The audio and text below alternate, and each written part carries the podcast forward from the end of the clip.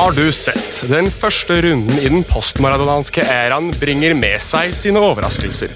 Men selv om ligaen ledes av noen unge, herlige lyplinger i San Sebastian, er dette uken der vi minnes om at de gamle fremdeles er eldst. Og går tilbake til en tid der verden var styrt av de virkelige, gode old boys. La liga loca. En litt gærnere fotball. Ja, ja, ja. Det er det La Liga Loca. Ordinære episode nummer 140 eh, med meg, Jonas Giæver. Hei. Og deg, Petter Wæland. Hei.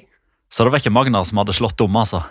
Nei, jeg vet at det er mange som eh, Du må jo si hei, for øvrig. Ja, jeg vet at det er mange som eh, ønsker at Magnar skal gå tilbake til å snakke østlending en gang til, men det tror jeg ikke vi trenger. Magnar Kvalvik er ikke her i dag, som betyr at det er jeg som er programleder. Uh, Magna måtte jobbe, var det sånn det var?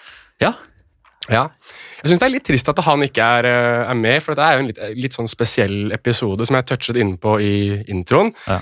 Det er jo den første uh, episoden vi spiller inn etter at Diego Maradona har gått bort. Mm. Det er jo litt sånn rart, synes jeg, at vi lever for, Altså, vi begge to lever jo in, i verden for første gang etter at Diego Maradona ikke er her lenger. Um, for så vidt for Magner sin del òg, men Magner er vel kanskje den av oss som potensielt kanskje husker 86-VM. Ja, En halv generasjon over deg, og nesten en halv generasjon over meg. Da, ja. da er vi snille med alderen til Magnar. Vi er det, ja, vi er men, men, Magnar er i hvert fall den som kan erindre at Maradona eh, spilte fotball på veldig veldig høyt nivå. Jeg husker helt på tampen av karrieren hans Definitivt. Eh, og du har jo norsk og marokkansk blod, men du er jo halvt argentinsk i hjertet. Eh, I hvert fall søramerikansk og latininspirert. Og, eh, og har sett langt flere kamper fra Argentina og det søramerikanske kontinentet enn meg, så jeg stiller jo bakerst i rekka på følelsesregisteret. Mm.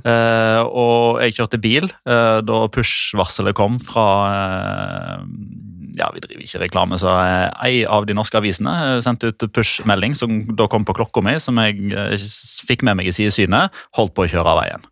Såpass, ja. eh, og når det da eh, åpenbart, eller ikke åpenbart, men eh, sannsynligvis da eh, treffer både deg og Jonas enda litt mer, så skjønner jeg at da er det ganske sterke krefter på gang. Jeg, meg og Jonas tenker du på, eller meg og Magnar? Du og Magnar. Ja. Nei, men du er sånn halvveis Jonas og halvveis Magnar i dag. Ja, det er lov. det er lov. Nei, jeg fikk samme push-varselet. Vi får jo smegle det, begge to. Vi har jo samme push-varsling, har jeg funnet ut. Um, og da sto det vel at det var en argentinsk avis som meldte det. Ja. Og ehm, det har de gjort før. Og det var det jeg tenkte, at ja, nå er de ute og skal være først igjen, for nå har det blitt så stille rundt ham, og at han har blitt operert og sånn. Men så begynte det å komme litt mer, og da tenkte jeg åh, faen, det her eh, ja. Jeg måtte stemmer. jo svinge av på nærmeste avkjørsel for å gå inn og se dette her. Mm. Eh, fordi man har hørt sånne rykter før mm. om at nå har det dessverre gått galt. Eh, men så gikk jeg jo inn på nettsida til El Clarin og leste artikkelen og skjønte at dette er ikke en mann som har trykka ut en nekrolog ved å trykke på feil tast. Dette er ektefølt, dette er dessverre sant. Det er ikke kongen er død? Det var ikke den argentinske varianten, for der er det guden i så fall. Ja, veldig godt poeng. Uh, Diego Maradona da spilte i Barcelona mellom 1982 1984, og så en tur innom Sevilla i 92-93. Uh, eh, det ble jo i hvert fall, Vi skal inn på dette litt senere, kanskje, men uh, det ble i hvert fall bemerket veldig tydelig på alle arenaer at Diego Maradona var gått bort. og Denne serierunden startet jo da med Valladolid mot Levante 1 én. Eh, jeg vil jo tro at for en type som Ronaldo, som selv har litt tilnærmet eh, den samme statusen, i hvert fall i visse deler av Brasil, så var det kanskje litt uh, følelsestungt. Marcos André uh, med tre mål på tre kamper nå for uh, Valladolid. Gått litt under radaren. Um, ikke mye å, å, ta ut av denne kampen her, men nå ligger Levante på nedrykksplass, og da må man jo begynne å stille spørsmål rundt Paco Lope snart. Ja, jeg tror han fortsatt sitter sånn passe trygt i stolen, litt sånn på bakgrunn av eh, den eh, hva skal vi si, auraen han har bygd opp tidligere i Virke. Eh, han kom inn og redda klubben fra nedrykk for et par sesonger siden, og så eh, den første fulle sesongen var veldig bra. Eh, og han er jo òg Han ble jo valgt direkte av Levante-president Kiko Catalan i sin tid, og de to har et veldig nært bånd, og jeg syns ikke det er noe sånn det er ikke alarmerende spillemessig ennå, syns jeg. Eh, men det er klart at hvis de ikke kommer seg ut av den 1-1-rekka si, eh, så eh, kommer de ut og spiller uavgjort de neste 28 kampene, og da ender de på 36 poeng totalt. Mm. Det er nedrykkstakter. Og det er for øvrig bare tredje gangen i La Liga-historien at et lag spiller uavgjort med samme sifre fem kamper på rad. Levante har jo 1-1, 1-1, 1-1, 1-1 og 1-1 ja, i de siste fem kampene. Mm. Uh, så hvis det blir 1-1 mot Retafe, da har de satt ny La Liga-rekord som det første laget som repeterer uavgjort resultat i seks kamper på rad. Virker ikke helt usannsynlig. Uh, Valladolid da, med et poeng, og igjen så virker det som Sergio Gonzales kanskje har fått litt nytt vind uh, i seilene sine. Altså, det er ikke like mye snakk om om sparking der. Det er det vel egentlig heller ikke for de to andre lagene som startet lørdagen, Elche og Cádiz. Der ble det også 1-1. Uh, litt interessant uh, kamp spesielt for uh, Elche. Der har du jo da Jorge Almiron, som snakket om at Diego Maradona som vi var inne på, er en representant for alle argentinere. Målskårer og spilleren som ble utvist, Lucas Boyer, skåret. argentiner. Og da eieren til Elche, Christian Bragarnik, var Diego Maradonas agent. Mm. Så dette var en kamp som jeg tror man kanskje ikke har tenkt på som en type viktig kamp for Argentina, da, kanskje for den argentinske følelsen, men det ble da 1-1. Ja, så blir jo selve kampen eh, den, den, vokser ekstra et element ved at Kadis tidligere i år har kjent på litt av det samme som Elche kjente på ved tapet av Michael Robinson, mm. som heller ikke hadde en direkte link. Han spilte aldri for klubben, Hei. men han ble jo en, eh, hva var det jeg kalte det for, et ad adoptivbarn av byen, fordi mm. han var så populær der og han likte godt å være der og snakka alltid så varmt om byen osv. Så, videre. mm. så Elche og Cádiz gikk jo på mange måter sammen i sorgen her og markerte veldig fint før eh, kampen, sånn som det egentlig var over alle kampene her, med, med et minutts stillhet og med blomsterseremoni eh, osv. Ja, i, vi skal tilbake til en langt mer sentral spiller som eh, i enda større grad kom med en ode til Diego Maradona, men det var jo litt maradoniansk med skåring og utvisning i samme kamp da for Lucas Boye fra Argentina, som har spilt i New Old Boys. Ja, ikke sant. Eh, for å gå videre til Eller Først og fremst vil jeg kanskje ta det. Michael Robinson, for de som ikke vet om det er. det er jo Um, han vant jo Champions League Europacupen med Liverpool og er jo kanskje ansett som en litt sånn perifer fotballspiller hva angår det engelske kontinent, eller britiske Det blir nesten blitt et kontinent nå med dette negro-greiene. Ja, disse negro-greiene som har pågått uh, over de siste 24 timene, så har det nesten blitt som et eget kontinent igjen, uh, England. Men, men um, på, på, de britiske øyer så er han kanskje en perifer karakter, men i Spania og på den iberiske halvøy så er han jo kanskje en av de virkelig store uh, historiefortellerne i spansk fotball, med Informe Robinson, som mm. er gikk vel på Movistar, uh, ja. og var en sånn der han gikk litt i dypdykket på det som var hjertet av spansk fotball, da, og fortalte de virkelig interessante historiene. Blant annet en fantastisk dokumentar om Diego Maradonas tid i Sevilla. Den brukte jeg tid på å se nå etter at Maradona gikk bort. Fantastisk bra, så hvis man finner den på Dailymotion eller YouTube, eller noe, så anbefaler jeg å, å, gi bort en time av livet sitt i det. Ja. Um, men for å gå tilbake til Kadis, tre kamper nå uten seier. Uh, det begynner vel De begynner kanskje å nærme seg litt det derre Nå har det vært hurrastemning de første ti kampene, og så er de kanskje litt på vei ned nå? Ja, Uh, og så ligger det vel kanskje an til at man kan tillate seg å tro på Kadis sine vegne, hvis man er litt positive, da, at den, uh, den, friske starten kanskje er det som redder de til slutt. Mm. Uh, jeg husker ikke helt Vi sendte vel ned begge to Kadis i tabelltipset vårt. Det var i alle fall to av de tre nyopprykkede ja. som vi trodde gikk rett ned. Jeg tror kanskje Kadis var en av de. Spørs om ikke den gode starten gjør at vi må svelge de ordene til slutt. der, Men samtidig så har de en veldig urovekkende trend, og det er at de, de klarer rett og slett ikke å ha eget spill eller prestere. Nei. Eh, det har vi snakka litt om tidligere i La Liga òg, at de, de, belager spillet sitt egentlig på å ligge veldig dypt og satse på kontringer. og de kom jo tilbake igjen da etter at Elche ble, eh, ble redusert til ti spillere. og Så får de besøk av Barcelona nå, førstkommende lørdag. Eh, så får vi nå se hvordan dette går utover høsten, da, men starten har jo vært bra. Definitivt. definitivt. Så går vi videre til Mestalla. Der eh, tok Valencia imot Atletico Madrid, og Valencia oppskriftsmessig tapte 0-1. Den kan vi snakke litt mer om senere. Så det var oppskriftsmessig at Valencia vant, ikke at, ikke at Nei, det var oppskriftsmessig at Valencia tapte, Ikke ja, ja. at Atletico vant. Nei. Nei. nei, nei. Ser den. Sånn har det blitt. uh, Huesca Sevilla, der var det også 0-1. Sen scoring av Josef N-Syri. Og han har nå skåret tre mål på fire kamper og hadde også en sen scoring i midtuka mot Krasnodar. Jeg blander alltid de og Lokomotiv Moskva av en eller annen merkverdig grunn. Ja, øh, Den sene skåringa mot øh, Krasnodar for Enesyre var vel i det omvendte oppgjøret. Og så var det hans øh, sånn halvveis landsmann Monir ja, som ble matchvinner mot øh, Krasnodar. Men det er jo interessant at du nevner de Champions League-kampene, for de har jo sikra avansement allerede. Ja.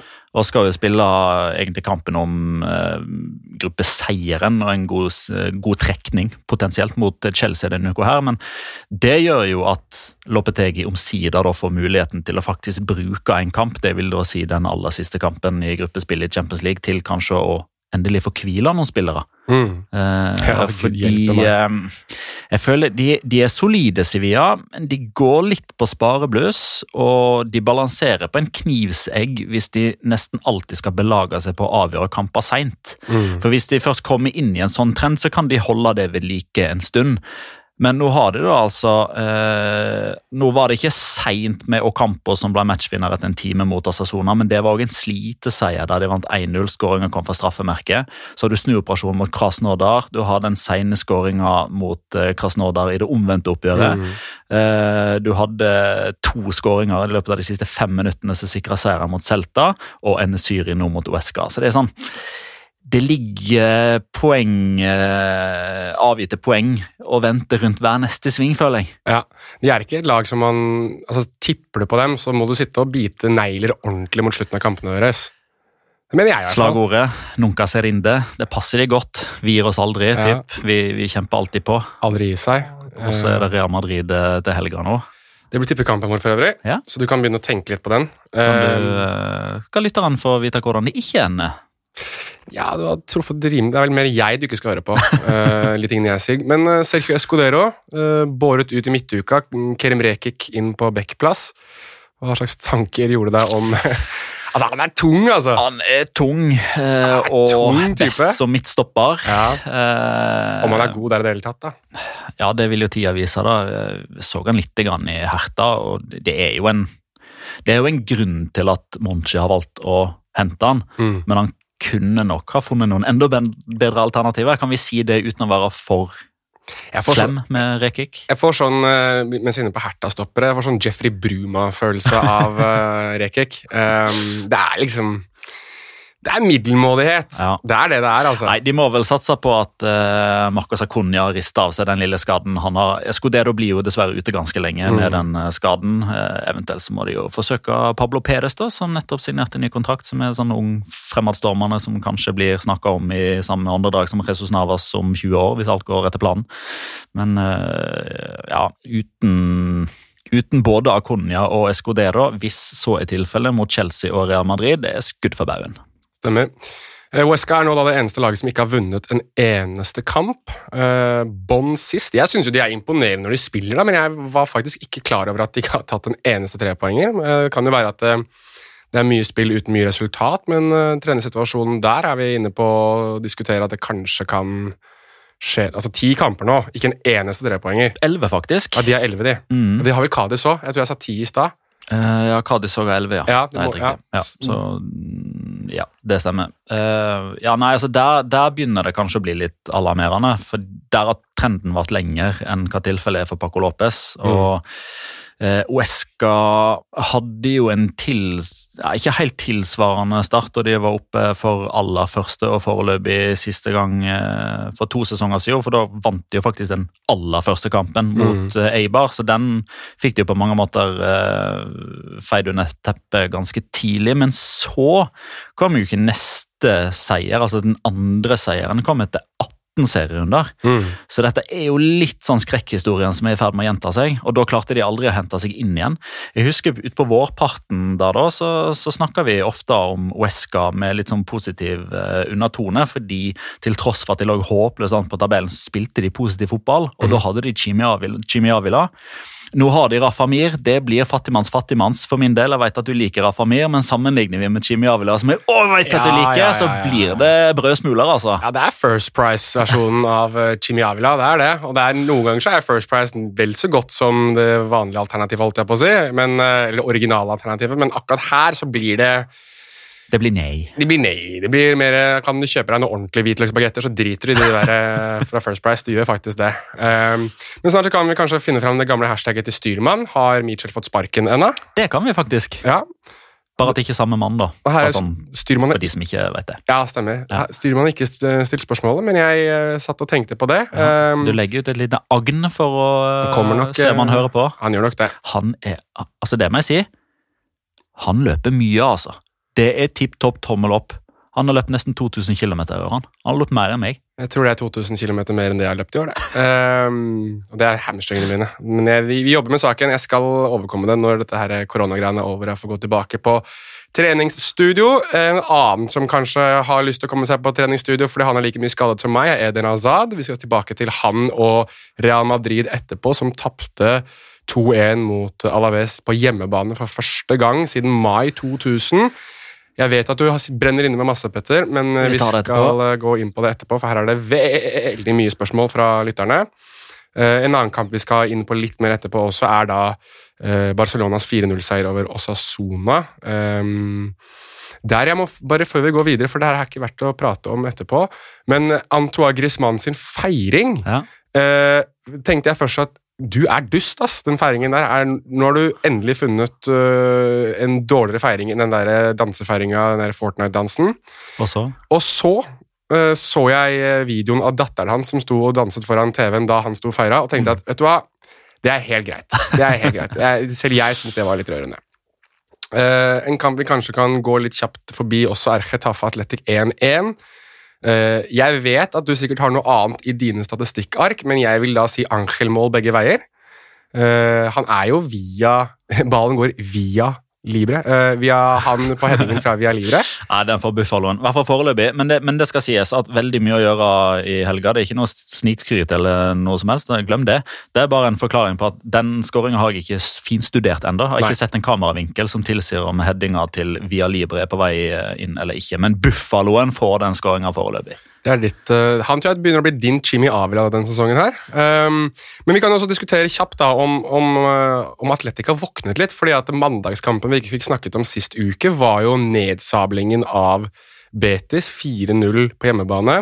Mm. Her er det 1-1 riktignok, men det er samtidig eh, Jeg synes de ser bedre ut enn Atletic i den kampen, nei, enn Getafe i den kampen her, og fortjener egentlig å ta med seg tre poeng hvis du skal se, prøve å se det med litt objektive øyne. Mm. Uh, og det er Getafe som er kjent for å krige og kjempe seg til seier i kamper som dette. Ja.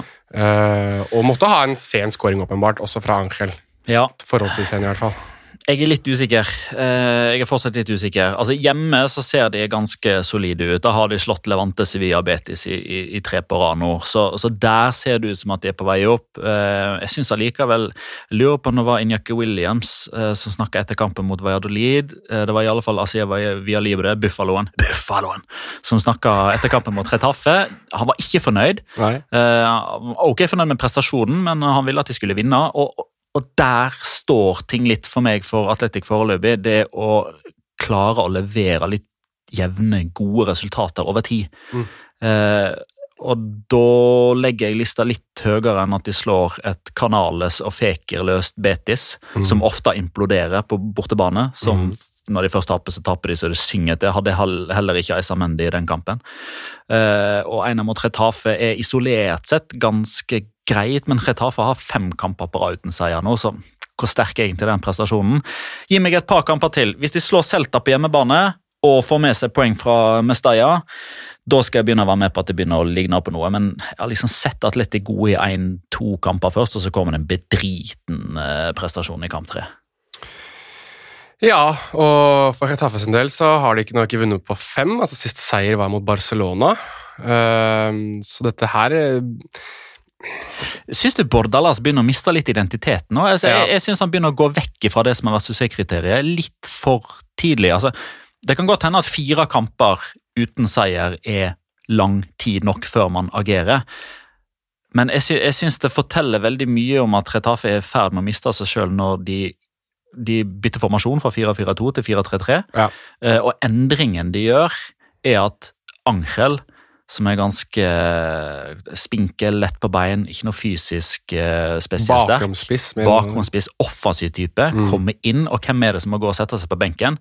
Det er den største Hva vi kaller han for da? Fotballskurken. Allan Jom. Altså, du, du, du, tar ut personifiseringa sammen med Damian Suárez av Retafe for å sette inn Angrel. Mm. Du finner nesten ikke større kontraster enn de to spillere innad i ei spillergruppe. og så kan man jo si at eh, det byttet lyktes man med fordi Angel skåra målet som sikra poeng. Mm. Men de klarte ikke å vinne. Nei. Det var målet.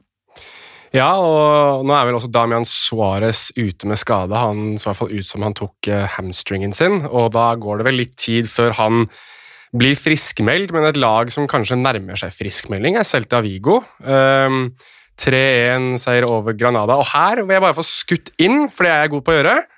Jeg sa at Granada kom til å slite med det der når de spiller Europaliga og så skal spille uh, ligakamp helga etterpå. Her begynner man å se litt konturene av det, men det er jo også verdt å ta med her uh, at Celta har tre skåringer. Ingen av dem er Jago Aspas. Men han står bak alle tre. Ja, det er jeg enig med deg i. Men, ja, jeg er helt enig i at det er oppsiktsvekkende. Hvis ja. man går inn på livescore og bare sjekker hvem som skårer målene, så er det typ sånn Oi, hva har skjedd? Ja. Men jeg syns det er så herlig omvendt og bakvendt land at i en kamp der Celta Vigo skårer tre mål og Jaguar Aspas ikke skårer mål, så er det samtidig en kamp som jeg kanskje vil trekke fram som den beste kampen Jaguar Aspas har spilt noensinne. Han var så god. Noensinne? Noensinne. Ja, nå er det... Og Da inkluderer jeg de kampene der han har tatt med Piqué ut på dansegulvet og shaker hoftene langt mer enn hva Shakira har klart noen gang. Inkluderer den kampen der. Ja, ja altså, det er, den, det er, den, som jeg tenker på først. Ja. Så du, du, opphøyer altså denne her til Dette her er litt sånn uh, Du vil ikke tro hvor stort dette er. Uh, jo, men altså uh, Jeg skal ikke belage meg Altså, Først og fremst det øynene mine så. Ja da. Han sto bak absolutt alt. Ja, jeg er ikke uenig. Han hadde én målgivende pasninger. Han burde hatt fem. Ja, jeg er ikke uenig. Ni sjanser skapt, ifølge Oppda, som sitter og teller på dette her. Eh, og eh, ja, den Aspas-dependentiaen som vi har snakka med, den blir jo på Altså, man, man heller litt vann på den påstanden, eller det bålet. Men samtidig så fylles det på med parafin etterpå der igjen. altså. Det, den gjelder, for å si det sånn. Det er en følelse der jeg vet den som blir runden spiller, i hvert fall, på den førsteplassen etterpå. Det uh, kan hende. Det kan hende. Um, Eduardo Codet for første gang på sidelinja. Men det er ikke det vi kaller han for? Vi kaller han for Bogotá. Yes. Fordi uh, de som ikke har sett Casa Papel, i hvert fall siste sesongen vel av Casa Papel, ja. så er det jo en karakter som heter Bogotá. Og er jo, de er jo kliss like. Ja, de er det. Det er, det er, du og jeg har jo en sånn intern greie på at vi gir hverandre ganske sånn lave scorer på, altså av ti. På, det blir som regel en toer. Det blir som regel en toer, ja. men her er vi oppe og dunker på åtte-ni. altså. Ja, du er det. Ja, du er det. De er kliss like. Ja, Den er, den er kjempebra, den løkkeleken der. altså. Men uh, Chacha Codet, første kamp, så man noe nytt? Altså, Var det noe Ja, var det, ja Fortell. Eller, ja, ikke nødvendigvis. Man, man, man så jo veldig mye av det samme borte mot Sevilla, som jo det var jo debuten hans borte mot Sevilla, sånn, egentlig, for da hadde han hatt styringa i ti dager, hatt de på treningsfeltet og lagt taktikk og tatt ut laget. Eneste var at han fikk ikke stå på sidelinja. Mm -hmm. Det gjorde han nå. Kanskje var det en av årsakene til at man i sted Altså, kampen i seg sjøl, altså de, de første 22-23 minuttene er fullstendig enveiskjøring. Granada én kontring, og så kontrer det en gang til og skårer. Mm. Det som hadde vært ekstremt typisk Celta Vigo, da, at lufta hadde gått ut. Mm. Ballongen full, altså sprekker som en kondom natt til 17. mai. Altså, det er Ikke noe å hente. Absolutt ingenting å hente, og kun konsekvenstenking etterpå. Nå klarer de Det er mye konsekvenstenking når økonomisk sprekker. Er, det er nettopp det. Men det var det ikke nå. Altså, de, bare, altså, de fortsatte som om ingenting hadde skjedd. Avspark, holder ballen i laget i ti, får brudd imot, innkast, setter ballen i spill igjen. Ti pasninger, bang, Nolito 1-1. Mm. Han har fått inn en sånn enorm tro allerede i løpet av kort tid i et lag som på mange måter har vært litt sånn desillusjonert. Jeg har tippa de på øvre halvdel åtte sesonger på rad nå og står fortsatt på at dette, dette er sesongen. Ja. uforløst potensial. Kanskje er det omsider nå at eh, Bogotá eh, klarer å få det ut med Jason Morillo, colombianeren i midtforsvaret. Ah, meget bra. 4-1-3-2-formasjonen var i gang allerede, mm. og vi fikk jo siden vi kanskje ikke snakker så veldig mye mer om dette, så var det Jørgen G. Engeseth som uh, lurte på om det var ok det Okai drev med på slutten av den kampen her. For det var jo litt uh, Litt Locora seinere i sendinga. Ja, den er ja. god. Da vet vi det. Uh, Granada tre strake tap nå, ikke vunnet på fem. Um, dette er første gangen vel Digo Martinez taper en kamp med Granada der han tar ledelsen, eller hans lag tar ledelsen. Mm. Um, som sagt, altså jeg, begynner, altså jeg, skal ikke si at vi er allerede inne i det at de eh, kanskje skal på, være på nedre halvdel, med tanke på den sesongen de leverte i fjor, men det er en tropp som fort kan bli tynnslitt ass, i en sesong som er mer komprimert, og de gjør det vel forholdsvis bra i Europa League og kanskje skal spille enda mer fotball, og da er jo spørsmålet litt om de klarer å vedlikeholde noe som helst av den formen de hadde i fjor. Um, Litt gøy at når, det først, eh, når Luis Suárez ikke fikk spilt eh, på Mestalla, så er det Luis Suárez på Balaida som skårer istedenfor. Men jeg vet ikke. Jeg liker jo det Granada har gjort på overgangsvinduet, og den bredden de egentlig har hatt i troppen ja. sin, men jeg tror eh, jeg begynner i hvert fall å se konturene da, av at dette her kan ikke holde hele veien inn. Men, eh, men hva, tenk, hva, tenker vi på da? Altså Å holde hva da hele veien inn? Nei, altså Jeg vil jo tro at du, du ønsker for så vidt å repetere litt det du gjorde i fjorårssesongen, eller kanskje i hvert fall styre At de spiller Europaligaen neste sesong? Nei, det gjør de ikke. Det gjør nei, de ikke. Men, nei, jeg, men, jeg, mener at eh, hvis de nå ender på Basert på hvordan de gjør det nå, da, hvis mm. de ender på si niendeplass, mm. niende-tiendeplass, så vil jeg mene at det er en veldig suksessfull sesong. Ja, kan si meg enig i det. Men jeg, vil, men jeg blir ikke overraska hvis man begynner å snakke om de på 15., 16., 17., 18. plass. Okay. jeg er ikke, ikke, trygg på dem i det hele tatt. Nei, altså, Tendensen peker jo den veien. Ett poeng på fire kamper. Det, det, det, ser jo ikke bra ut, og nå sprekker jo den statistikken òg, som har vært eh, liksom, det man har holdt veldig høyt ved Granada. At de er så solide når de først har ledelsen. Det er liksom umulig å snu det. Um, jeg prøver å se litt formildende omstendigheter her, for jeg er så fascinert av den jobben Diego Martinez gjør, så jeg ønsker at Granada skal gjøre det ganske bra. Mm. Um, så i forlengelsen av det så legger jeg dette tapet på at det var Bogotá sin fortjeneste, at Celta var sprudlende gode. Mm. Uh, Valladolid-tapet setter på kontoen uflaks, kanskje iblant. De var egentlig mye bedre. Vant expected goals uh, i den kampen ganske markant.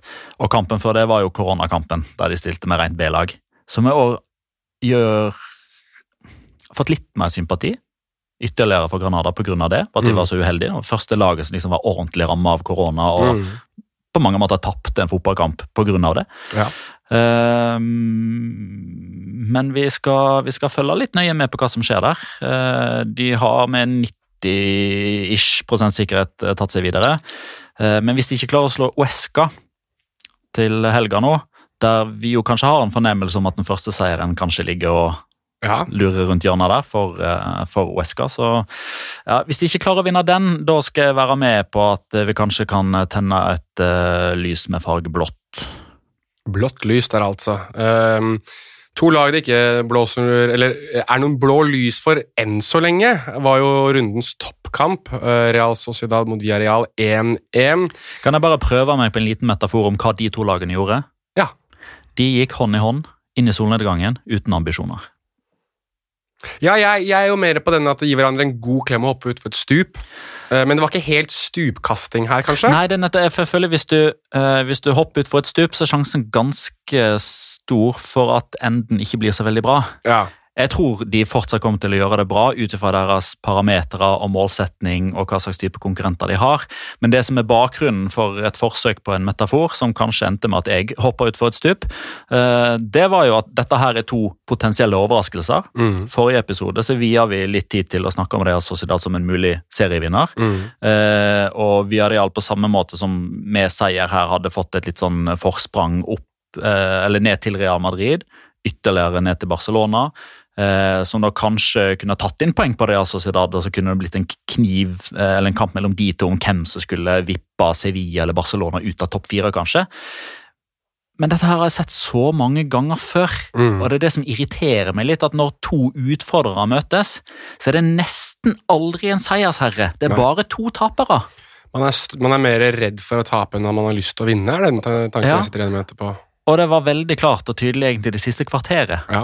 Eh, altså, Emedi gjør noen bytter som egentlig speiler kampen på samme måte som, som mot Real Madrid. Jeg synes eh, Unai Emery som Villarreal-trener, til nå stor suksess. Ja. Som fan, kjempehappy. Eh, forsøker å gå ut av det synet og se på det med litt mer sånne faglige briller. Du er vant med at de skal rykke ned, du. så det er jo... nei, men nå er ikke Magna her. så ah, det går fint. Okay. Ja, det, er, det, ikke nedrykksgreier? Nei, nei, nei, nei, nei, nei, okay. det blir uh, kanskje om ei uke. Bokfør det, Magnar. Eh, men jeg syns òg at uh, taktikken han har uh, klart å innføre altså Han gikk jo vekk fra 4-4-2 og har spilt mer eller mindre 4-3-3 fast siden. Og mm. gjort noen justeringer etter 0-4 mot Barcelona som viser at han klarer å reagere på ting og gjøre endringer. Men samtidig så syns jeg at han noen ganger blir litt feig. Eh, og det blir gjenspeilt i hva slags elleve fotballspillere som starter kampen. Det, man får alltid en fornemmelse av at selv om Viareal er et veldig godt offensivt lag, som skaper ting og som skårer mer mål enn snittet, og ofte mer enn forventa òg, så er det gjerne at du har de tre sluggerne sentralt på midten i stedet for at du har to friske kanter og to spisser. Mm. Eh, mot Real Sociedad nå så valgte han både Estopinan og eh, Pedraza på venstresida, altså ja, ja. opprinnelig to backer. Antageligvis eh, for å demme opp for høyresida til Real Sociedad, men det var jo ikke noe høyreside for Real Sociedad. For Janusai starta ikke, Porto starta ikke, og, og, og Jarzabal var sentralt i banen. Mm. Um, så i sted, og, og Årsaken til det var jo at Mai Gomez var skada. Ja. Men hvorfor ikke da tørre å starte med f.eks. Kobo eller Chocoese? Det blir liksom alltid den der litt sånn Ja, vi er litt forsiktige først, og så ser vi hvordan det går. Una Emery og begrensning på egen tropp. Har du hørt det før? Ja, det har du. Mange ganger. Det man også har hørt før, er dommerkritikk, og da kan jeg ta et spørsmål fra Han heter julian.mma på Twitter. Men ja, han er realmann. Han er det, ja. Mm. Eh, fordi hans brukernavn er Adrian Uche MMA, og da er jeg litt usikker på er det Adrian Uche eller er det Julian? Eller Julian, eller hva det nå blir. Jeg tror kanskje Uche er en eh, hyllest til eh, gamle Villarreal-spiller Ikechukwu Uche. Ja, det Kanskje? gir mening, det. Ja. Uh, men da sier vi han, han lurer på om vi kan snakke om dømmingen til eh, Manzano. For ja. en elendig dommer, skulle han. uh, og jeg, Det jeg noterte meg mer der, var vel litt noe som noen andre påpekte. Nå kommer jeg ikke på hvem det var, jeg beklager det, men litt den derre da Elustondo fikk straffe imot seg, så var det litt sånn nesten litt sånn beklagelig. uh, smiling og 'dette går bra' og 'jeg må blåse her'. Det var liksom litt sånn ja det er greit å være hyggelig, men altså, slapp av, liksom. Du trenger ikke å være Alberola Rojas, som for øvrig har hatt tidenes video som uh, sirkulerer på nettet om dagen. Ja. Men, uh, men noterte du deg noe merkverdig? Ja, jeg skjønner, jeg skjønner, hvor han vil hen. Eh, og hadde jeg vært nå, nå, kaller jeg ikke han for usaklig, men hvis jeg hadde vært av den usaklige typen, så kunne det rabla for meg på Twitter når, okay. når kampen var ferdig. Men jeg er jo ikke sånn. Eh, de to tingene er jo det er to straffesituasjoner. Eh, den første er jo den er jo grei. altså. Adiz Elostondo klinker jo ned Stoppinan. Den, den er grei. Eh, straffesparket til Real Sociedad er òg grei, men grunnen til at vi Real-supporterne er irriterte, at den kommer som en konsekvens av en corner som ikke er i nærheten av å være corner. Ja, Det er sant. Altså det er Adiz Elostondo som header, og han er til og med borti armen på vei ut òg, så det skulle for det første ha vært frispark til vi hadde iallfall hands. Mm. Skulle det ikke vært det, så skulle det vært femmeter. Og så blir det corner, og så ender det opp med straffespark. Så Det, det er den første årsaken. Og så tror jeg òg at han er litt irritert på den aller, aller, aller siste tingen som skjer i Der kampen. Jeg syns ikke det er straffe. Fordi jeg mener at han er på ball først, og når han da først er på ball, og så i samme bevegelse, ja, og så i samme bevegelse feier ned Jedal Moreno, som han ja. gjør etterpå, ja jeg, jeg syns ikke det er noe kraft i taklinga.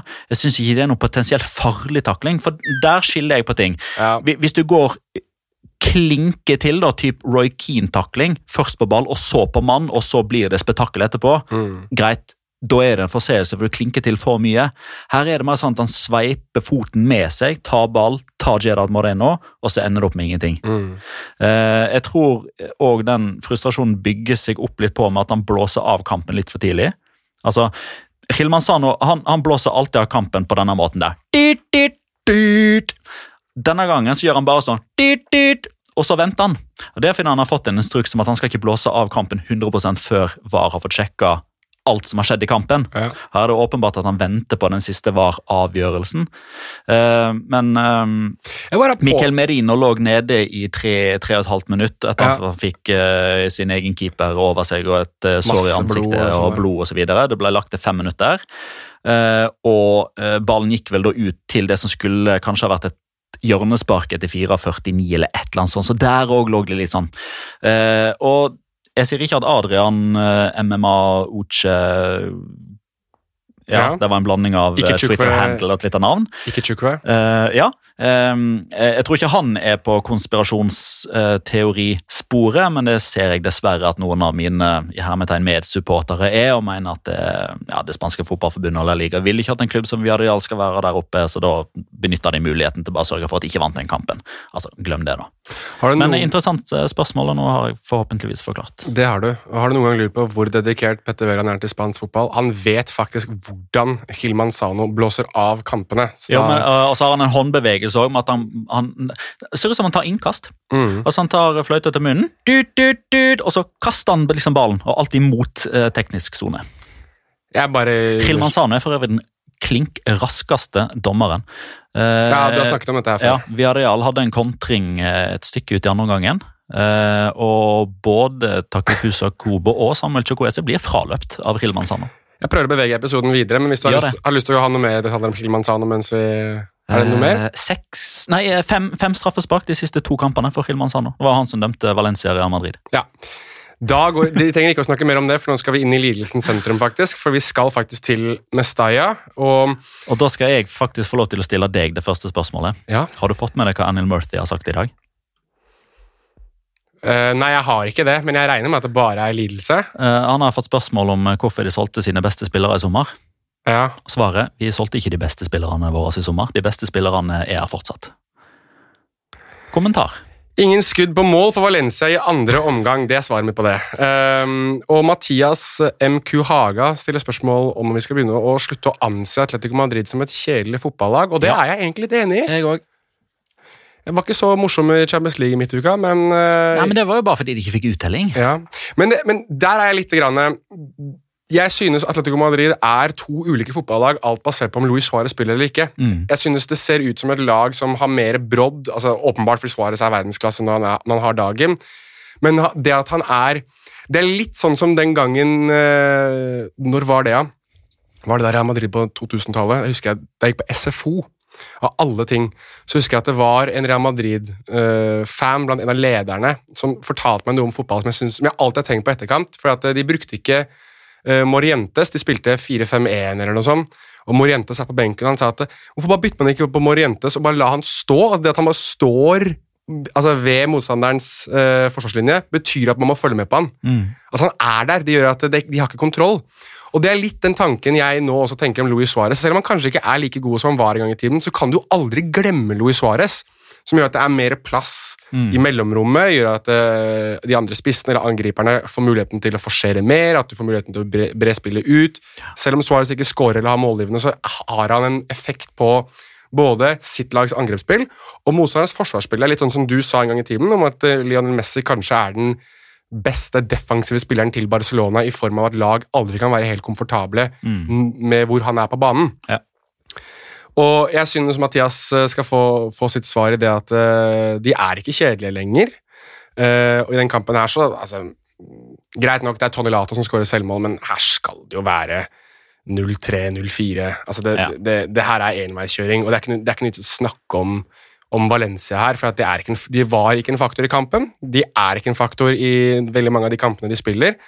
Og det er heller mer imponerende det at uh, Atletico Madrid er det eneste laget som fremdeles er ubeseiret. Første ni kamper. De har spilt syv, uh, eller vunnet syv, spilt to avgjort, og da har de faktisk overgått den rekka si med ubeseirede kamper fra 2013-2014, altså fra start til innover i sesongen. Mm. Greit nok, de vant åtte i 2013-2014. Her har de da vunnet uh, syv og spilt to uavgjort. Men nå begynner det å ligne litt mer på 2013-2014. altså. De har en god rekke nå med kamper og veldig vind i seila. 25, da, hvis du tar med serieavslutninga. De gikk jo 16 uten tap eh, i La Liga forrige sesong òg, så det er jo det å være vant med å ikke tape fotballkamper, det er en god egenskap. Eh, og der er Atletico Madrid eh, de er langt inne på det sporet der. Mm. De har seks poeng ned til Real Madrid med én kamp mindre spilt. Ja. Eh, og de ligger ni poeng foran Barcelona. Uh, og Der er det også litt sånne morsomme statistikker som kommer fra Mr. Chip og Pedrito Numeros. Uh, jeg husker ikke tallene nøyaktig i hodet nå, men da Real Sociedad lå tolv poeng foran Barcelona før forrige serierunde altså Barcelona tok jo inn to poeng og ligger ti poeng bak nå, men eh, aldri før aldri før gjennom La Liga-historien, eh, spilt 79 eller 80 sesonger nå, aldri før har et lag som på et visst tidspunkt har ligget tolv poeng bak serielederen, det har aldri vunnet La Liga. Basert da på 90 års erfaring så kan vi skrinlegge Barcelona. Vi kan skrinlegge Barcelona allerede. Jeg noterer, det. noterer det du sier. Uh, Real Madrid, uh, hvis Atletico Madrid da vinner den hengekampen som uh, de har på Real Madrid Det er en bortekamp mot Levante. Vi har jo gjøgla litt før, i hvert fall meg og Magna, for det går veldig mange år tilbake med den der Levante Atletico Madrid-greia som jeg og han holder på med. Det er faktisk en litt sånn de som vet de vet-greie som han er med på. Um, Oi! Faktisk. Som jeg ikke vet, da? eller? Jo da, du vet det, du har, har snakka om det i podkasten, ja. at de ofte sliter bort mot Levante. Ja, ja, ja. Uh, hadde riktignok vunnet 5-0 der eh, for ikke så veldig lenge siden òg, så det, det, virker som at de har kommet over den kneika der. Og den bortekampen vinner de nok sannsynligvis, og da vil de i så tilfelle være ni poeng foran Real Madrid. Ja. Real Madrid har kun én gang, kun én gang i løpet av 90 år med La Liga-fotball vunnet ligaen etter å ha ligget ni poeng bak et hvilket som helst lag. Så vi, kan, så vi kan nesten skrinlegge Real Madrid òg. Er det 06-07? Eh, det var iallfall en voldsom sånn remontada-sesong ja, av var, eh, Real Madrid. Men om de lå så veldig langt bak på et tidspunkt, er jeg usikker på. Ja, Uansett, det har ikke så mye å si. Det som har noe å si, er at eh, hvis Jago Aspas spilte sin beste kamp for Celta Vigo noensinne, så må man nesten si at Thomas LeMar må ha vært nær ved å gjøre noe av det samme for Atletico Madrid her. Faktisk. Fantastisk Faktisk. god. Det er kun noen sinnssyke redninger av Jamie Dominic som stopper Thomas LeMar fra mm. å i hvert fall ha én golase der. For nesten håpa for hans del at dette var et litt sånn gjennombrudd. at... Uh ja, ja. vi får se da, Nå er det jo Bayern München som er neste kamp for Atletico Madrid. Da regner, at, da, da regner jeg på mange måter med at han er tilbake på benken og mm. kanskje kommer litt ut av den kanskje lille stimen han kommer med. Samtidig så er det jo veldig eh, symptomatisk og betegnende for at Thomas LeMar var veldig god, men gikk av banen uten skåring eller sist i 43. seriekamp på rad. Altså, i, vi har snakka litt om det før. Om Han er flopp, ja. Eden Hazard, vi har snakka om Joao Felix, vi har snakka om Antoine Griezmann, men altså Thomas LeMar 70 millioner euro, var det? 70 millioner euro. Ja, var det ikke det? 70, I hvert fall ish, ja. i det sjiktet der. Det var over fra fem, Monaco. Det var over 50, og det synes jeg, da er det dyr, tenker jeg. Ja, og det du får, er 43 kamper på rad i La Liga mm -hmm. uten mål. Ja, mm. Jeg det tror vi legger den død, jeg. Vi kan godt legge den eh, død. Eh, du var litt inne på det. Tabellsituasjonen nå tilsier at Atletico Madrid ligger på andreplass i La Liga på 23 poeng. De har to kamper mindre spilt enn serieleder Real Sociedad, som har 24 poeng. Villarreal på posisjonen bak der igjen har også to kamper mer spilt enn Atletico Madrid. De har 20 poeng, altså tre poeng mindre, to kamper mer spilt. Det er jo i seg selv litt hinsides. Målforskjellen til eh, Atletico Madrid De har skåret 19, og de har sluppet inn to. Jeg repeterer, de har skåret 19 og sluppet inn to. Det er 17 plussmål. Det er samme som eh, Real Sociedad for øvrig, men de har sluppet inn 5, skåret 22. Ja. Eh, du har sett meg. ja, ganske mange ganger. I aksjon, på jakt, okay, ja, i Barcelona ja. etter Duncan Donuts. Det har jeg. Men hvem er mest glad i smultringer? Er det meg, eller er det Jan Oblak? Eh, etter at du gikk ned så mye vekt, så tror jeg det er Jan Oblak. Men før det så hadde det vært ganske god eh, battle mellom dere to. For det var, et, det var, en grunn Altså, det var vel litt som dette er veldig internt, men jeg, jeg, kan jo si det til alle lytterne at hvis man dro til Spania med deg eh, da du var eh, Gordo, Petter, yes. så var en av grunnene eh, fordi du skulle på Duncan Donuts, enten det var i Madrid eller Barcelona Jeg har for så vidt også ja. sittet og sett deg eh, inne på Google Maps søke etter, eh, febrilsk for øvrig, etter hvor man kunne finne Duncan Donuts i eh, Barcelona da det stedet du dro på først, ikke hadde den type donuten du ville ha. Det er helt riktig. Uh, for å gå tilbake til et lag som ikke husker så mye om smultringer lenger, så kan vi først ta uh, spørsmålet til Shayan Jalilian, som selvfølgelig er en god venn av poden. Uh, hvor lenge sitter Zidane trygt? Fordi det er jo kanskje greit å stille spørsmålet når du taper 1-2 hjemme mot Alaves. Real Madrid altså taper 1-2 hjemme mot Alaves for første gang siden mai 2000. Mm. Eh, og igjen så må Eden Hazard ut med skade. Igjen er det spørsmål å stille rundt Real Madrid, og igjen så virker de eh, ekstremt Jeg veit at mange hater det her, altså, men jeg må bare si det. Det er Jekyll and Hyders på dem igjen. Det er det. Ja, men um, ta det, det, som er mest negativt, og det som på mange måter er den gjentagende trenden nå, da. At de taper? Uh, ja, men årsaken til at de taper det, men... uh, Jo da, men uh, la, oss si, la, oss ta de siste to seriekampene, da.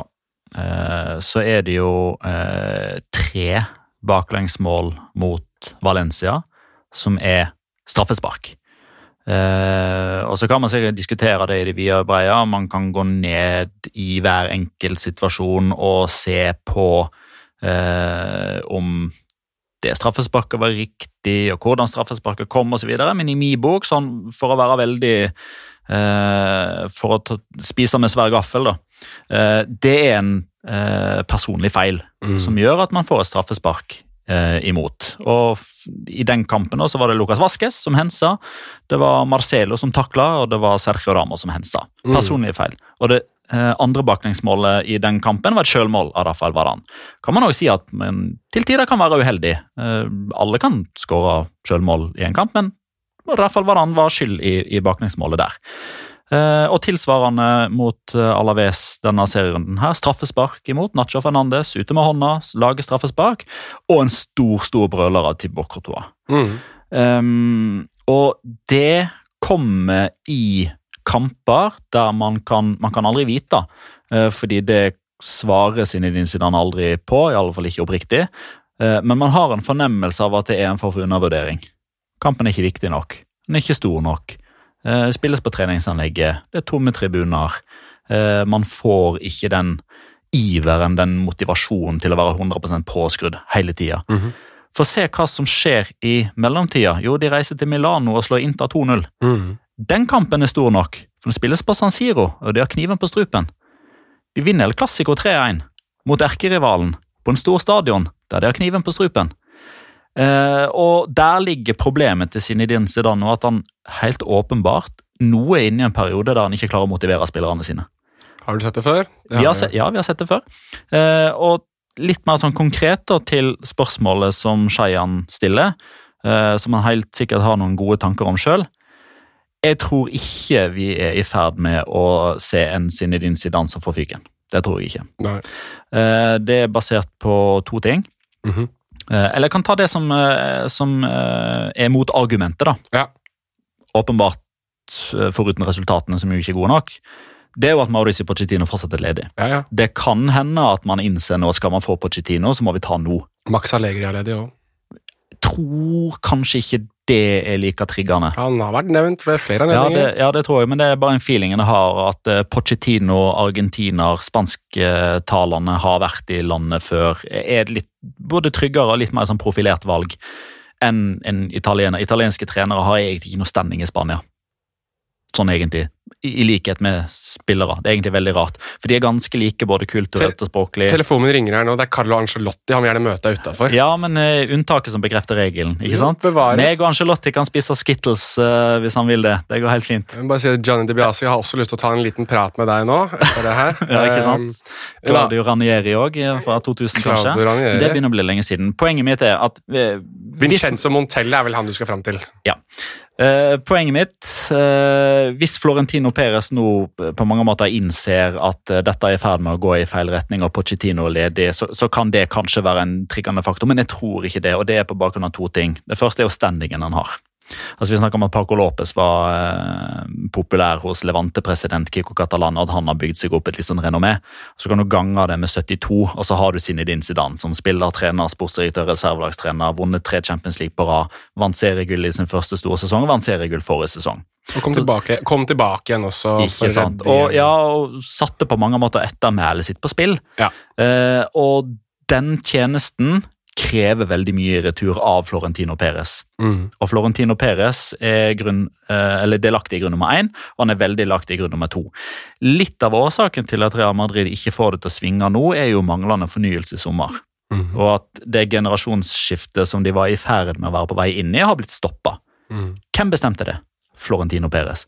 Da mener jeg at han på mange måter skylder din Zidane å overleve dårlige resultater. For det valget var det Florentino Perez og økonomiansvarlig og markedsansvarlig som tok. Det koster enormt med penger å remodellisere Santiago Bernabeu, som de holder på med. Enorme tap av billettinntekter osv. fordi man ikke spiller for åpne stadioner.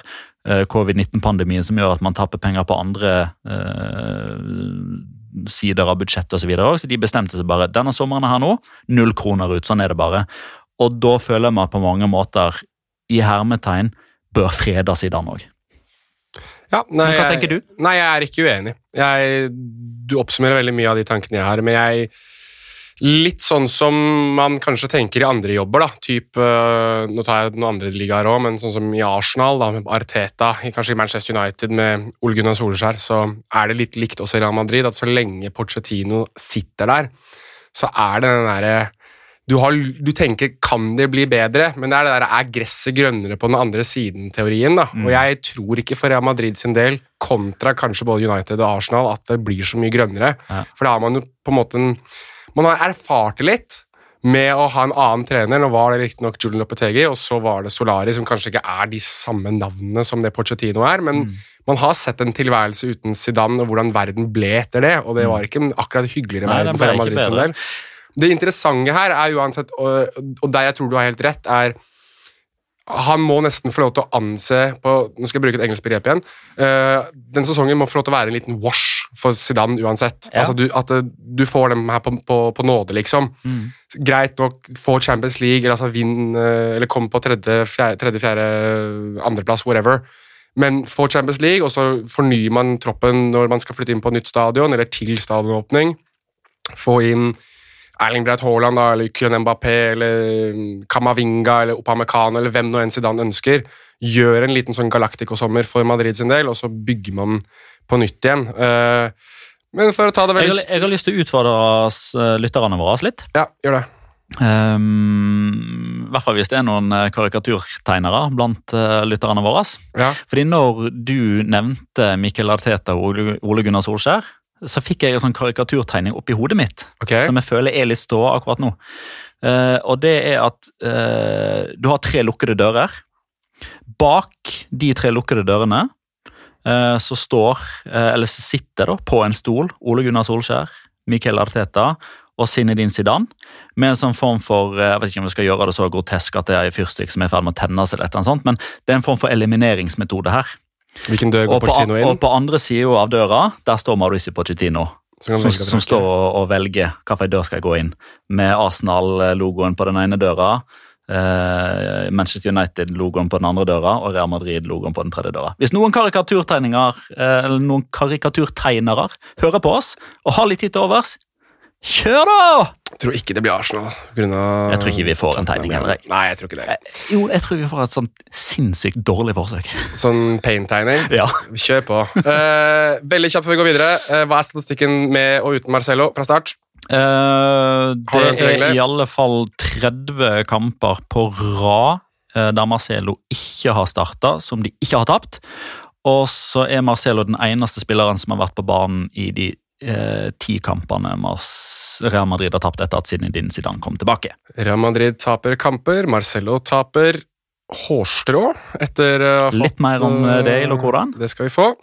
Eh, nå er vi jo selvfølgelig i kjent stil, så går du og jeg drittregt gjennom ting her nå, så vi må nesten speede opp litt. Grann. Beklager til de som har lyst til å høre masse om Barcelona og Sassona, men vi kan jo ta eh, først og fremst veldig kjapt om skadesituasjonen der. Nå er det rapportert av Marca eh, at man anser ikke at de Longlais sin skade er langvarig. altså Piquet er ute lenge, og det er jo Araujo og Omtiti er vel nesten kronisk skada nå. Han snakket vel i denne uken her om at kneet hans kanskje aldri blir bra igjen, men at han ofret det for å spille VM for Frankrike og angrer ingenting på det.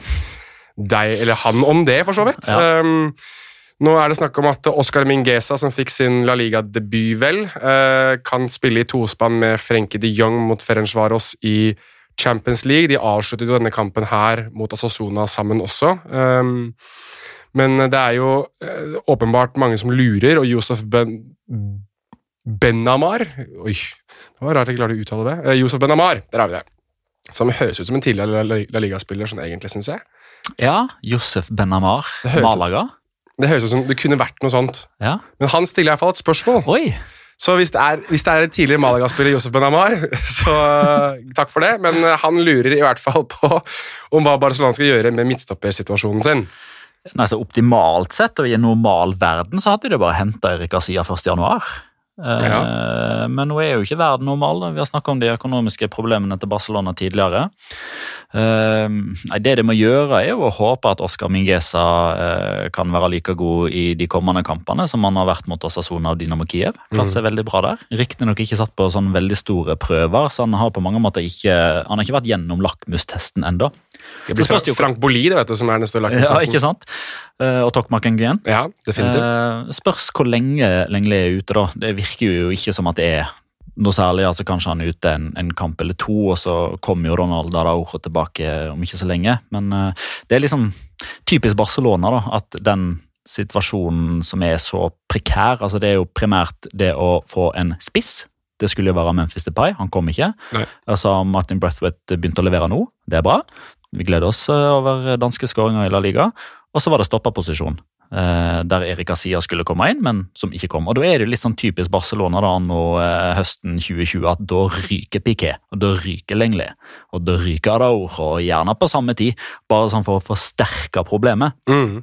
Um, men jeg synes akkurat denne storyen til Mingesa den synes jeg er litt spesiell, fordi uh, dette har vært en føljetong, og det kommer antageligvis til å følge meg så lenge eller Ligaloca lever, og det gjør det forhåpentligvis i mange år fremover. At du altså, hater den, alle akademispillerne til Barcelona? Nei, nå tenkte jeg mer på den Ansofati-greia. Uh, ja, at du uh, hater alle Barcelonas akademispillere? nei, det gjør jeg ikke. Uh, men altså, jeg, det var jo famous last words med at Ansofati ikke kom til å spille for Barcelona igjen etter ah, ja, debuten. Ja det som var bakgrunnen der, og som egentlig har vært litt glemt, og som jeg har tona ned Jeg skal ikke eh, bruke det som en unnskyldning på noe som helst måte, men årsaken til at jeg sa det, var at Ansofati fikk muligheten utelukkende pga. masse skadeproblemer. Ja. Suárez var ute med skade, Osman Dembélé var ute med skade, de hadde nettopp solgt Abel Ruiz. Mm. Eh, Carles Perez hadde nettopp blitt leid ut. Og, og da var det en unggutt som ennå ikke hadde debutert på B-laget, som på mange måter fikk lov til å være med i i, i, eh, i, kamptroppen, og så gikk det ganske bra, og så fikk han muligheten og har tatt den med begge hender. Mm. Kanskje kan det være det samme for Oscar Mingesa, som kanskje ikke hadde fått debuten sin denne sesongen i det hele tatt, mm. men han har fått det nå pga. Piquet, pga. Adaojo, pga. Omtiti. Mm. Det syns jeg er gøy, at sånne historier kommer ved hjelp av en i utgangspunktet da, tilfeldighet, og så bare tar man sjansen, ikke med begge hender, men med hele kroppen. Mm. Har du lyst til å oppsummere Antoine Griezmanns scoring med et ord? Bang! Det burde egentlig ha gått litt tilbake, for nå tror jeg det er veldig mange som kommer til å få vondt i øra når de hører deg eh, kommentere det, men det er jo egentlig det riktigste ordet. Du får, skal egentlig få litt vondt i øra av den scoringa der, for det er Jeg tror aldri jeg har sett Ja, Dembélé hadde jo en litt sånn tidligere sesong, han òg, men det var så mye aggresjon, så mye forbannelse. Altså, mm. Sergio Herrera i målet til Osasona han Altså, Den går jo i, uh, i, en retning der han egentlig kan redde den. Altså, sånn, mm. Ja, ja, Den er ikke utagbar. Nei, men det er jo så hardt, og det kommer så fort, at det er jo helt greit at det, han ikke rekker fram der. Tror du kanskje Ikke sånn bokstavelig talt, men tror du kanskje Antoine Griezmann så for seg at det var hodet til Erik Olhatz, hans tidligere personlig rådgiver som lå og svirra foran han i, i, skuddposisjon. Jeg tror det er ganske mange ulike hoder han kan ha forestilt seg da. altså. Uh, egentlig sitt eget hode også, skal jeg være helt ærlig. jo, men uh, bakteppet er jo at ja, uh, Erik Hollatz uh, visstnok har sagt at Grismannen er i uh, fengselet til terroristen Messi. Sånn basically. Mm -hmm. og det har jo selvfølgelig blitt stått veldig stort opp da, at uh, tidligere rådgiveren og den gode vennen til Antoine Griezmann mener dette her. Og, og Griezmann har jo også tidligere hatt hatt en bror som har vært ute og fyra noe voldsomt i media. Mm. Uh, og vi nevnte det så vidt på tampen forrige uke, mener jeg å huske, at uh, Antoine Griezmann da skulle stille opp i dette Universo Valdano. Uh, han hadde jo en times prat med Jorge Valdano om nettopp dette her. Mm. Og årsaken til at han nå omsider begynte å, å lette litt på sløret og snakke sjøl, var jo nettopp det at han så at som en konsekvens av at han ikke snakker, så finner media andre som skal snakke for han. Mm. Eh, og Han sier jo da at Erik Olhatz har han ikke hatt kontakt med på, på lenge. Eh, mm. Erik Olhatz kom ikke i bryllupet hans, og etter det så har de ikke hatt kontakt. Eh, åpenbart at det gjorde veldig vondt følelsesmessig for Grismann at Erik Olhatz ikke kom i bryllupet. og slukka jo på mange måter den brannen ganske fint og sa jo egentlig at uh, broren er en dust som ikke har peiling på fotball, så ikke hør på hva han sier heller. Nettopp. Nei, det er uh, Så var det Jeg synes det var litt uh, forfriskende å se Antoine Griezmann se ut som han syntes det var gøy å spille fotball igjen. For det er altså en spille Jeg har alltid sagt at Antoine Griezmann kommer til å være en av de spillerne som Hvis du levde i den eraen der han spilte, så kommer det til å være skrekkelig gøy å snakke om ham Mm. Men jeg tror ikke han er en sånn all time, all time-spiller. Altså, det er sånn som Du må fortelle om hvor god han var da han var veldig veldig god. Ja. Mens jeg tror, ikke, jeg tror, ikke, historien kommer til å være like grei mot ham. Det har alltid vært min tanke om, om uh, Antoine Griezmann. Men altså, for å ikke snakke kun om han, uh, og for å bare touche innom det, for vi skal litt innom han etterpå også Men en som vi kommer til å snakke om, er jo Lionel Messi.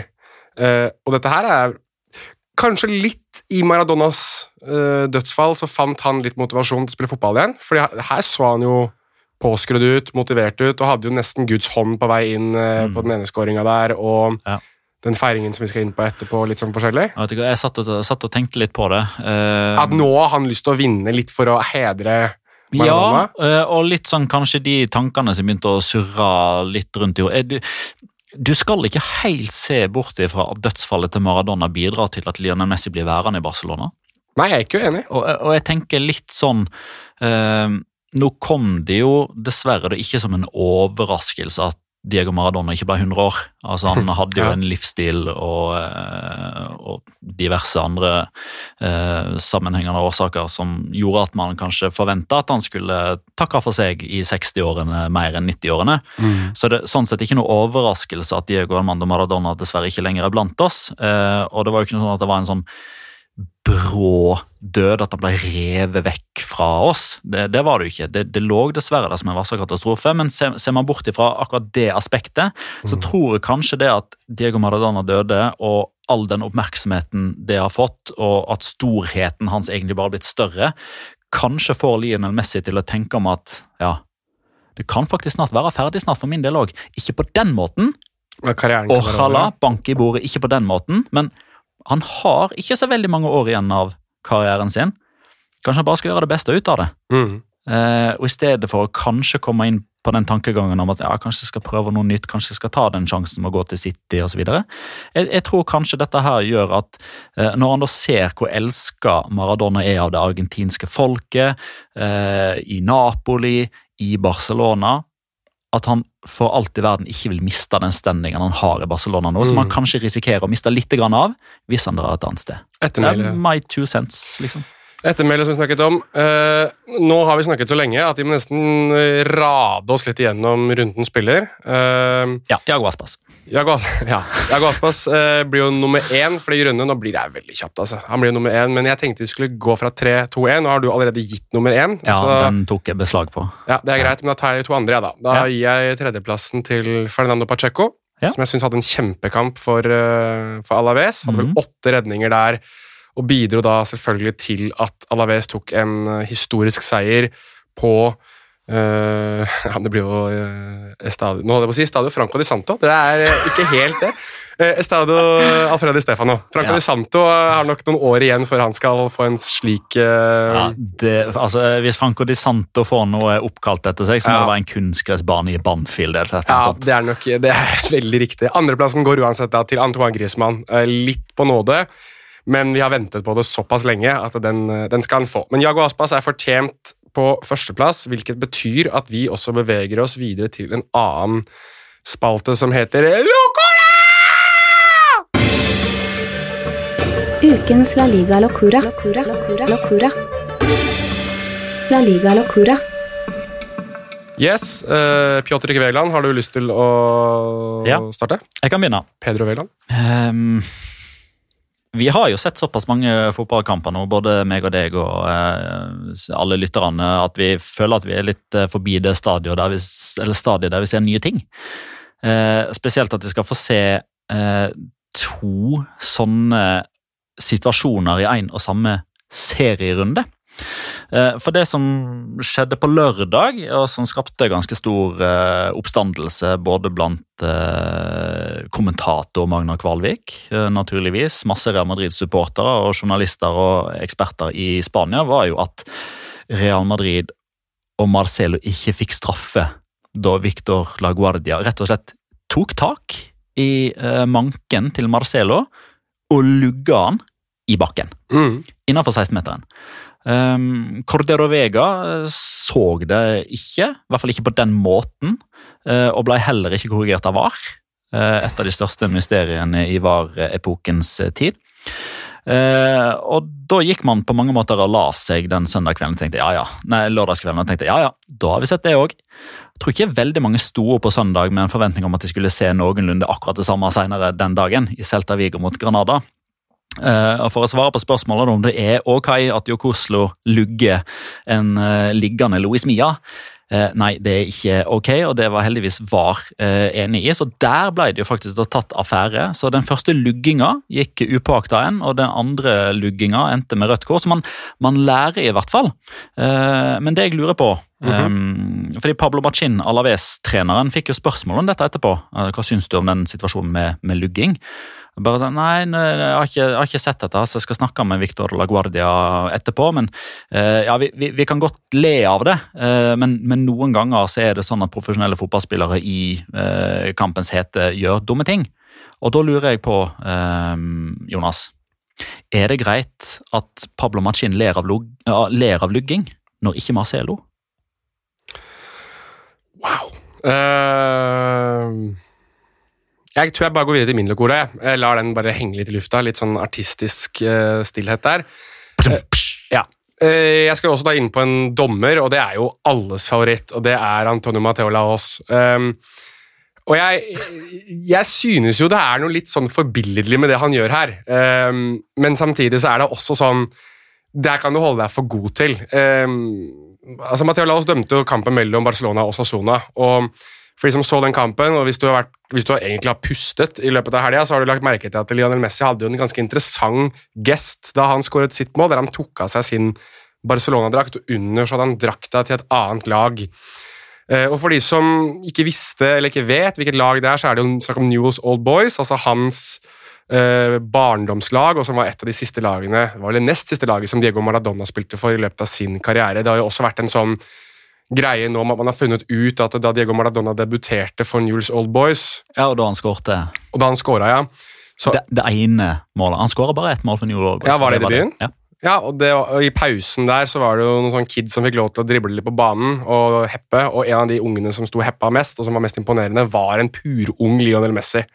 Det har kommet fram uh, i løpet av denne helga her. Som gjør at det er litt interessant at Messi åpenbart tok av seg drakta og hadde drakt nummer ti, gamle drakta til Maradona. Den drakta som veldig mange News uh, Old Boys-supportere håper at han kanskje skal ikle seg en dag før han legger opp. Men en som noterte seg veldig for dette her, var jo da eh, Antonio Matteo Laos. For i, i hans eh, kamprapport så skal han jo da notere ned hvorfor han har gitt ulike kort, og han har jo da gitt et gult kort i det 73. minutt til spiller med nummer 10, altså Messi. Eh, fordi han tok av seg drakta, og under drakta så hadde han eh, drakt nummer ti, som ble brukt av New Old, Boys under sesongen 1993-1994. Dette står da altså detaljert at dette her er en fotballdrakt som ble brukt av News Old Boys i 93-94-sesongen i Argentina. Mm -hmm. Altså, Matheo Laos har et så behov for å vise at han er on top of things. Det er litt sånn derre Hei, hei, fellow kids. Det er liksom, jeg får litt sånn rare vibber av det, men samtidig for en som er veldig glad i fotballdrakter, veldig glad i historie, og som selvfølgelig, som du var inne på tidligere episoden, har en forkjærlighet for latinamerikansk kultur, så må jeg applaudere Matheo Laos for å faktisk skrive det i sin kamprapport. Og det gjør han faktisk òg. Han skriver det faktisk ja, ja. inn. Ja. Fordi det som er, det som er greia med spanske kamprapporter, er at du har sånn rullegardinvalg. Altså, Du går inn i kamprapporten, du, og så velger du lag, så velger du spiller ut ifra draktnummer som er registrert, og så årsak. Så kan du f.eks. ta realizar una entrada dura, du kan ta agarar un opponente, eh, du kan ta Jugarel el ballon la mano, eh, som da er henholdsvis takling, eh, holding, hens. Men eh, jeg er ganske sikker, ganske sikker, på at et av valgene som ikke er i den rullegardina, er at han tok av seg drakta, og under så hadde han ei drakt eh, som ble brukt av Newells Oldboys i 93-94-sesongen. Så dette har han faktisk da gått inn og redigert inn sjøl. Så basically har han tatt det derre annet valg, skriv inn valget. Ja. Eh, har du kommentarer? Ja, sånn, ja. Typ. Nettopp. Ja. For dette dukker jo da opp hvis du sjekker den offisielle kamprapporten, som er eh, egentlig utrolig nydelig. Uh, avslutningsvis så skal vi jo selvfølgelig eh, tippe litt. Eh, vi var inne på det i stad òg. Um, sist kamp vi tippet på, var Real Sociedad via Real. Den endte 1-1, scoring av Gerard Moreno. Petter, du tippet 1-1. Scoring av Paco Alcácer. De gir tre poeng. Du har totalt 11. Magnar tippet 1-2. Første målskårer Gerard Moreno. Det gir to poeng. han står på ti. Jeg hadde da 1-0 med Oyar Sabal, det gir null poeng, og jeg har tre poeng. Der er du litt uheldig, da. Dan skårer jo tross alt mål. Ja, jeg tror, du har hatt noen sånne? Ja, jeg tror hvis du går igjennom veldig mange, så er det en, Altså, jeg hadde vel også Enrik Gallego som bommet på en megasjanse. Ja, Satt han i stolpen der, vel? Nei, kjemperedning. Nei, kjemperedning. Det var en redning. Var det. Uh, mener jeg husker ja, Uansett, det er ikke så mye å si. Uh, men jeg hadde også Aisa Mandi, som skåret mot uh, Real Madrid for Betis, som var den andre skåringen i kampen. Stemmer det. Um, men Real Madrid skal fungere som et av lagene i denne ukens tippekonkurranse også. Jeg har da valgt Sevilla Real Madrid. Jeg har allerede mottatt tips fra Magna Kvalvik. Han tipper da 1-2 med må si Frenkie de Jong. Det er det ikke. Det er Luke de Jong. Mm. Jeg klarte å blande de to par ganger. Uh, Luke de Jong som første målskårer, da. 1-2 Luke de Jong. Det er Magnars tips, Petter. Ja. Dette her blir jo for meg 2021-versjonen av eh, det som har vært alle sesonger fra 2011 fram til 2019-2020-utgaven av Sevilla mot Atletico Madrid. For nå er det Real Madrid som utfordrer. De spenner bein på hverandre. Det ender 1-1. Den første målskåreren i kampen er Hvem skårer det første målet, da? Jo, det gjør uh, Karim Benzema. Bensebrua der, altså. Uh, jeg har da tippet 2-1. Med... Tredje gang på rad at vi har forskjellige tegn. Jeg liker ikke det her. Uh, jeg gjør ikke det. for det er jo, altså, det kan jo si da, Jeg beklager til alle som heier på Sevilla, de vinner jo ikke den kampen her. Og Josef Nesiri skårer da det andre målet i denne kampen her, som da enten gir 1-1 eller 1-2. Um, eh, så det er jo bare å gå inn og satse penger på det. Um, et par andre godbiter fra neste serierunde er jo da, som du var inne på, Cádiz Barcelona, som møtes lørdag kveld klokken ni. Mm. Jeg vil også fulgt litt med på Villarreal mot Elche halv syv på søndag. Eh, jeg vil, jeg vil bare drite i mandagskampen, som er Eibar Valencia. um, Nei, er du, er du Valencia eller Eibar-sporter, så skal du selvfølgelig se den. Atletic mot Celta er det laget som sparker i gang serierunden fredag kveld. Eh, den er frisk. Den er frisk, den er spennende. Utrolig trist at vi ikke kan gå på puber og barer og se den kampen, for det er sånn eh, kamp jeg kunne likt å sett ute. Mm. Um, for det er jo sånt jeg liker å gjøre. Men jeg skyter inn en liten ting eh, på slutten her, da. Oi! Oi. Eh, vi har jo vært litt kritiske til eh, både underholdningsverdien og, og kanskje også litt sånn nivået på topplagene i Barcelona, med rette. Men jeg må jo si da, på vegne av altså Vi ser på oss som en liksom Spania-delegasjon, da, La Liga Loca-delegasjonen i dette landet her, så er det jo greit å se at Sevilla er videre allerede. Barcelona har vunnet fire av fire. Real Madrid har klart å snu en urovekkende trend til at de er i favorittsetet i Champions League-gruppa. Atletico Madrid er i ferd med å gå videre. Granada er i ferd med å gå videre. Real Sociedad er videre med 95% sikkerhet. Villarreal er allerede videre. Det er ikke så gærent allikevel, da, hvis vi sammenligner med type resten. Nei, nettopp. Jeg vil jo si at eh, den, den serierunden her altså er jo greit oppsummert med nye, nye helter og old boys. Med tanke på at Real Sociedad fortsatt leder ligaen, og Atletico Madrid ser ut til å ha funnet en ny vei mot toppen med Thomas LeMar og Angel Correa som spisspar. Uh, selvfølgelig Avslutta du episoden med navnet på tittelen nå? Ja, det gjorde jeg faktisk. Det, takk, da vet vi det. Da vet, yes. episoden, da vet man hva den episoden kommer til å hete. Det er greit. Um, igjen til dere som har sittet og hørt gjennom meg og Petter eh, rangle i godt over en time nå, så vil jeg si tusen takk. For det, det er stayerevne, altså. Ja, det er veldig stayerevne. Vi håper at Magna Kallik er tilbake snart og holder kustus på det greiene, for det klarer jo ikke jeg. Um, igjen, jeg ber også om at man går inn i iTunes, legger igjen en liten review og en sånn stjernevurdering. Det hjelper oss veldig med å få flere folk til å titte på oss. For, for litt siden så hadde vi jo, var vi jo highlighta av Spotify som en podkast man måtte høre på, så mm. tydeligvis så har det en effekt at folk faktisk gjør disse tingene, så jeg må be ærbødig om det. Og så må jeg si tusen takk for at du lytta, kjære lytter. Ha det!